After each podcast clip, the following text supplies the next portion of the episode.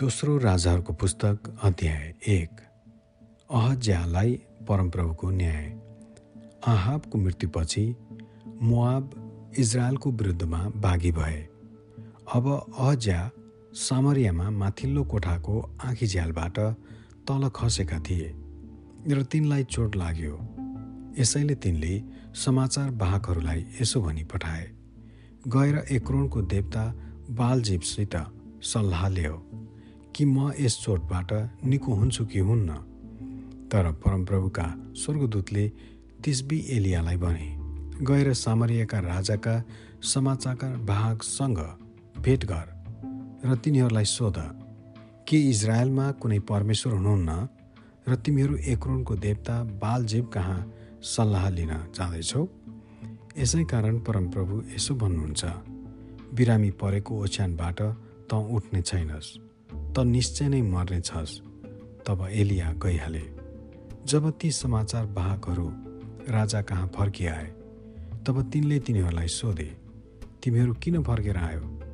तिनीहरूले जवाफ दिए हामीसँग भेट गर्नलाई एकजना मानिस आए र तिनले हामीलाई भने तिमीहरूलाई पठाउने राजा कहाँ? जाओ र तिनलाई यसो भन परमप्रभु यसो भन्नुहुन्छ के इजरायलमा कुनै परमेश्वर हुनुहुन्न? र त एक्रोनको देवता बालजीव कहाँ सल्लाह लिन मानिसहरूलाई पठाउँदैछस्?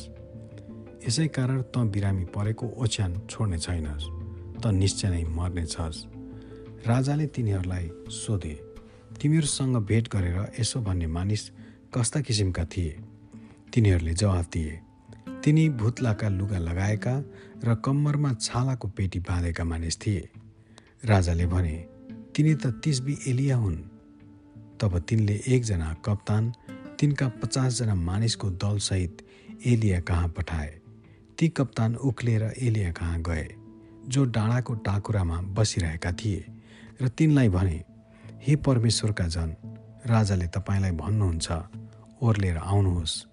एलियाले ती कप्तानलाई जवाफ दिए यदि म परमेश्वरका जन हुँ भने स्वर्गबाट आगो झरेर तिमी र तिम्रा पचास मानिसहरूलाई भस्म पारोस्। तब स्वर्गबाट आगो झरेर ती कप्तान र तिनका मानिसहरूलाई भस्म पार्यो। त्यसपछि राजाले अर्का एकजना कप्तानलाई तिनको पचासजनाको दलसहित एलिया कहाँ पठाए? ती कप्तानले तिनलाई भने हे परमेश्वरका जन राजा यसो भन्नुहुन्छ झट्टै तल आऊ।